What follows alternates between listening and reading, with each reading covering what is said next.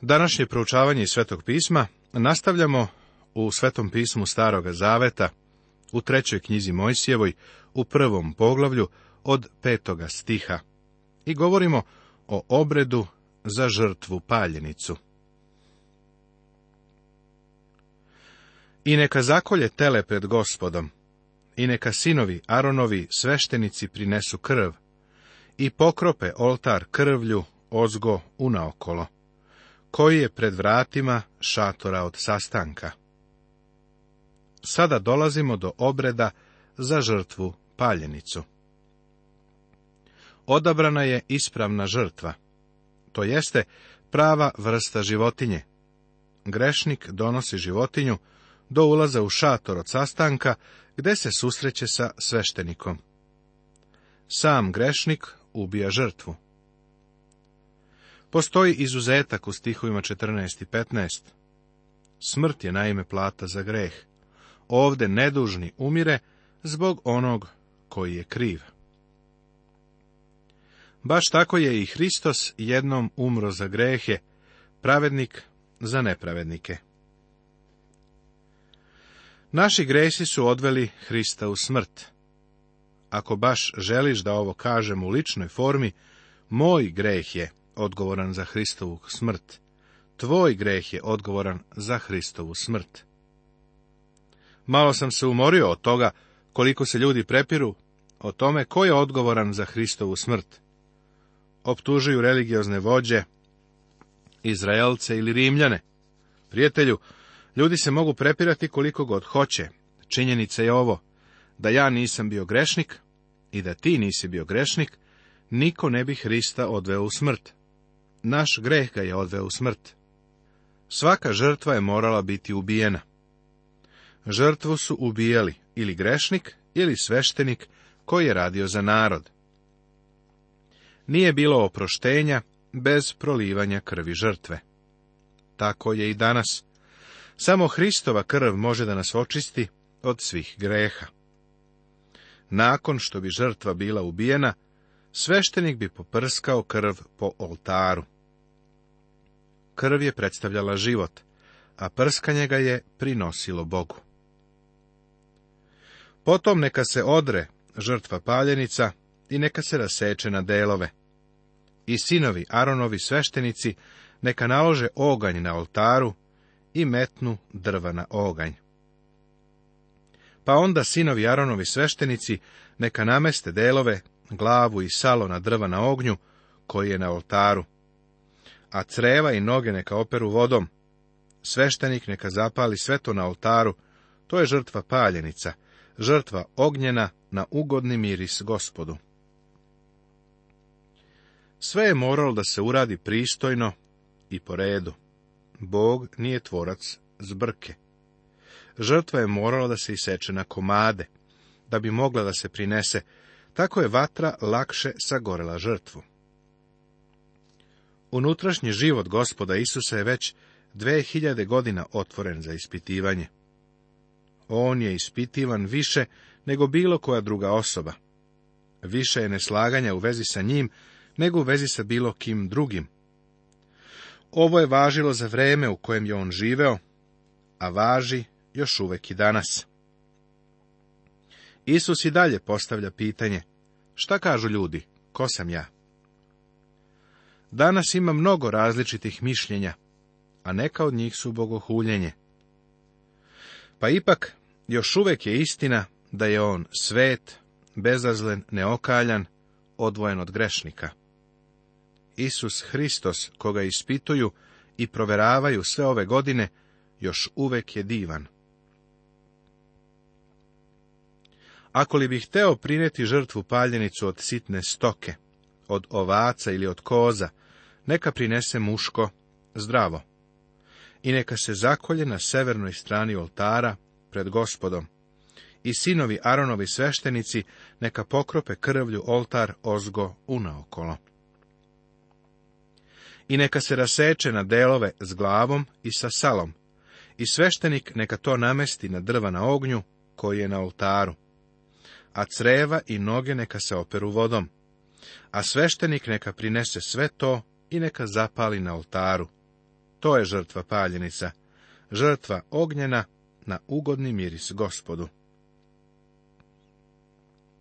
Ponovo obrati pažnju na to da je žrtvu trebalo iseći na komade i potpuno da se cela prinese. Na oltaru je paljena vatra vatra ne predstavlja obavezno pakao, kaznu ili gnev. Ne slažem se sa onima koji sve to tako preuveličavaju. Vatra nije to predstavljala kod žbuna kupine koji je goreo. Vrlo često vatra predstavlja očišćavajuću snagu i silu Božiju, kojoj se ne možemo odupreti.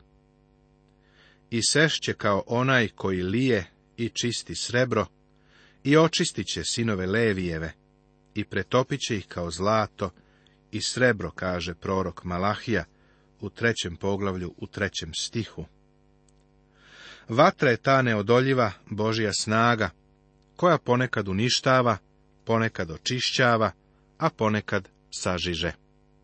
Priroda objekta određuje proces koji će vatra pokrenuti.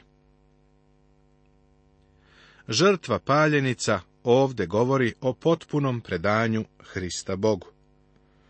Ovo je apsolutno posvećenje. U našem iskustvu ovo je od suštinske važnosti, ako nameravamo da Boga slavimo u duhu i istini. Jer je gospod Bog tvoj oganj koji spaljuje i Bog koji revnuje, kaže peta knjiga Mojsija u četvrtom poglavlju u 24. stihu. Prijatelju, ne možeš se igrati i napredovati sa Bogom. Zato je tako mnogo lažnih predstava i falsifikata u današnjoj hrišćanskoj službi. Želeo bih da ovo saopštim ljubazno, ali i snažno. Ti ne služiš Bogu sve dok mu ne dopustiš da pročisti i očisti tvoj život. Zaboravili smo na svetost. Ona nam je tako potrebna u životu i u crkvi. Ako li hoće da prinese pticu gospodu na žrtvu paljenicu, neka prinese žrtvu od grlica ili od golubića. I sveštenik neka je metne na oltar i glavu neka je zaseče noktom. I zapali na oltaru iscedivši joj krv niz oltar sa strane. I neka joj izvadi volju s nečistotom i baci kraj oltara prema istoku gde je pepeo. Siromaštvo nije bilo izgovor da se Bogu ne prinese žrtva. Umesto životinje mogli su doneti pticu. Svako je mogao da nabavi i prinese pticu. Da li si primetio da kada je gospod rođen, da su njegovi roditelji prinjeli grlice? Njegovi zemaljski roditelji su bili siromašni, pa je i on rođen u siromaštvu. Razlog za žrtvu paljenicu i neka je zadre za krila, ali da ne raskine. Tako neka je sveštenik zapali na oltaru, na drvima koja su na ognju. To je žrtva paljenica, žrtva ognjena na ugodni miris gospodu. Ovo se već treći put spominje da je žrtva ugodni miris gospodu. Ovo nam jasno govori da je baš to razlog za prinošenje žrtve. To je ono što Bog vidi u Isusu Hristu. Zakon za žrtvu paljenicu Zakon za žrtvu paljenicu nalazimo u trećoj knjizi Mojsijevoj u knjizi Levitskoj u šestom poglavlju. Jutarnje i večernje žrtve, koje su Aron i sveštenici prinosili Bogu, za narod bile su žrtve paljenice. Ova žrtva je nazvana stalnom žrtvom paljenicom. Hristos u posvećenju uvek živi, da bi zastupao za nas. Ovo je najlepše izraženo u zapovesti za posetu bolesnima, koje se pripisuje Anselmu iz Kenteberija, u kome je napisano ovako. Sveštenik treba da kaže bolesnome. Da li veruješ da ne možeš da budeš spasen nikako drugčije osim Hristovom smrću. Bolesnik odgovara da. Onda mu se kaže, idi onda, i neka tvoja duša prebiva u tebi, pouzdaj se samo u ovu smrt, ni u šta drugo se ne pouzdaj. Potpuno se posveti ovoj smrti, prekriji se samo ovom smrću. I bi te Bog sudio, reci, gospode, smrt tvoga sina Isusa Hrista stavljam između sebe i tvoga suda, drugačije ne mogu da se odbranim, niti mogu da uđem u sud sa tobom. A ako ti on kaže da si grešnik, reci. Smrt gospoda Isusa Hrista stavljam između mene i mojih greha. Ako ti on kaže da si zaslužio osudu, reci, gospode, smrt gospoda Isusa Hrista stavljam između tebe i svih mojih greha i njegovu vrednost i zaslugu prinosim kao svoju, zaslugu koju bi trebalo da imam, a nemam je. I kogod od nas može ovako da govori, njemu izriče obećanje iz senke šatora od sastanka. Ovaj Hristos, jagnje Božije, prava žrtva paljenica, bit će prihvaćen umjesto tebe, da bi ti doneo očišćenje i izmirenje. Ovo je zakon za žrtvu paljenicu. Bog je zadovoljan Isusom Hristom, a nas gleda u Hristu. A sada se bez sudelovanja zakona javila pravednost od Boga, posvedočena od zakona i proroka. Naime, pravednost Božja, koja verom u Isusa Hrista dolazi za sve koji veruju. Jer nema razlike, svi su zgrešili i tako su lišeni slave Božije, te se opravdavaju za badava, njegovom blagodaću, na osnovu iskupljenja u Hristu Isusu. Ovo je zapisano u poslanici Rimljanima u trećem poglavlju od 21. do 24. stiha Svetoga pisma Novog Zaveta. Prijatelju, da li Hristova žrtva stoji između tebe i tvojih greha? Da li je njegova krv prolivena da bi ti mogao da živiš? Da li se danas pouzdaješ u njega? Bog Hrista gleda kao jedinog koji je dovoljan za tvoje grehe. Da li ga i ti tako vidiš? Da li i dalje pokušavaš da prineseš svoj maleni, slabunjavi ego i malecnu dobrotu, da bi je prineo Bogu? Bog ih neće primiti. On može jedino da prihvati ono što je Hristos učinio za tebe, i on Hristovu pravednost uračunava kao tvoju. Pouzdavaj se u njega danas i budi živ. Poglavlje drugo Tema Žrtve jestive Žrtve govore o osobi Isusa Hrista i o Hristovom delu. Žrtva paljenica je bila temeljna slika Hrista i njegove žrtve. Jestiva žrtva nam otkriva Isusovu ljudsku prirodu u njenoj celokupnoj savršenosti i lepoti. Dok ovo budeš čitao, vidjet ćeš da je ovo kao recept za hleb. To je upravo to. Ovo je stvarno jestiva žrtva. Neki prevodi Biblije kažu da je reč o žrtvi mesa, što je pogrešan termin, jer sa ovim nikakvo meso nije povezano. Nema prolivanja krvi, pa se ova žrtva razlikovala od svih ostalih. Međutim, ova žrtva se prinosila sa nekim drugim prinosima, u kojima jeste bilo prolivanja krvi. Ove jestive žrtve mogle su da se prinose spaljene ili nespaljene. Aron i njegovi sinovi su za sebe dobijali deo ove žrtve. Takvu žrtvu je trebalo da pojedu svi muški članovi Aronove porodice. Jestiva žrtva nam predstavlja Isusovo ljudskost u svom njenom savršenstvu. Ovde se ne sagledava njegovo božanstvo. On je bio savršeno čovek i bio je savršeni čovek. Božiji cilj za čoveka se ispunio u Isusu. On je drugi čovek, ali posljednji Adam. Više neće biti Adama, ali će biti nekih drugih ljudi, koji će biti nalik na Isusa. On je posljednji Adam, glava novim ljudima. Dragi moji, sad smo deca Božija i još se ne pokaza šta ćemo biti.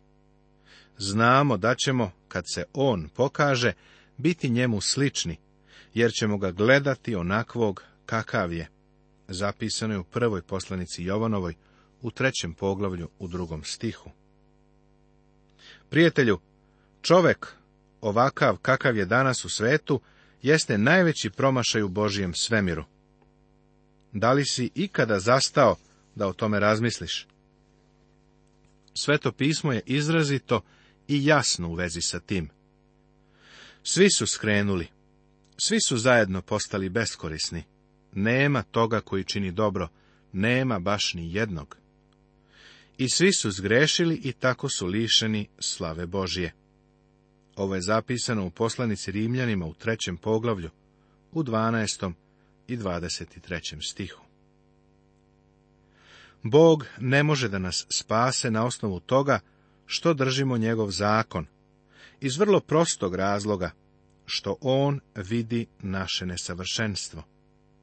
Zakon ne možemo ni da održimo, ni da ispunimo. Bogu ne možemo da prinesemo našu savršenost. U našoj nesavršenosti Bog ne može da nas spase, jer je On sveti Bog i zahteva apsolutnu pravednost i savršenstvo. Nesavršenstvo je ono najbolje što možemo da postignemo. Prema tome, čovečanstvo je propalo. Mir, kakav nisu upoznali, je nešto što potvrđuju novine svakoga jutra. Zašto je to tako? Jer rat i nasilje postoje u srcu svakog čoveka. Skoro je zanimljivo slušati o demonstracijama za mir, koje se često završavaju neredom.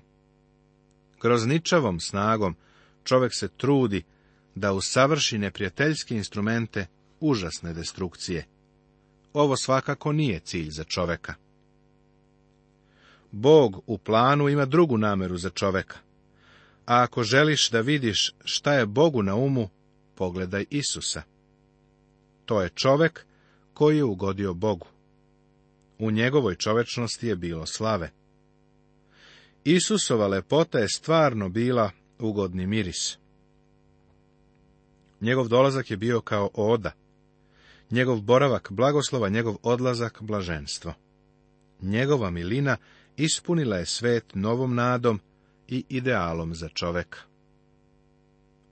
Postoje dva značajna aspekta ove žrtve. Sastojci koji su sadržani u njoj i sastojci koji su iz nje isključeni pregled. Jestiva žrtva, Isusova lepota, poglavlje drugo. Pomešana, ali ne spaljena, stihovi od prvog do trećeg. Pomešana i spaljena, stihovi od četvrtog do trinestog. Prvina od klasja, poprskane uljem i kadom, stihovi od četrnestog do šestnestog. I zakon za žrtve jestive, u poglavlju šestom, od 14. do 23. stiha pomešana, ali nespaljena. A kad ko hoće da prinese na žrtvu gospodu dar, belo brašno neka bude žrtva njegova, i neka je polije uljem i metne na nju kad. Žrtvu je trebalo pripremiti od belog brašna, a u to vreme je belo brašno bilo neobično. Nisu imali velike mlinove, kakve mi danas imamo. U stvari, brašno su mleli ručno u nekakvoj kamenoj činiji. Koristili su tučak, kojim su prosto tucali zrna. Brašno je često bilo vrlo hrapavo i nejednako samleveno, ako je onaj koji je tucao zrno bio nepažljiv, ili je to radio u žurbi. Ako su hteli da imaju belo, odnosno fino mleveno brašno, to je značilo da su mnogo vremena morali da provedu radeći na tome.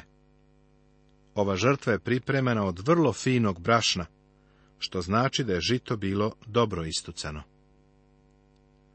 Ovo nam predstavlja ličnost gospoda Isusa Hrista. Siguran sam da bismo danas za njega koristili izraz dobro integrisana ličnost. On je bio normalna osoba. U stvari, mislim da je bio jedina normalna osoba koja je ikada živjela na zemlji. Greh je učinio da je ceo ljudski rod nezgrapan, jednostran, ograničen, abnormalan. Jedan deo naše ličnosti je pretedrano razvijen, ali na račun neke druge oblasti naše ličnosti. Nastavit će se.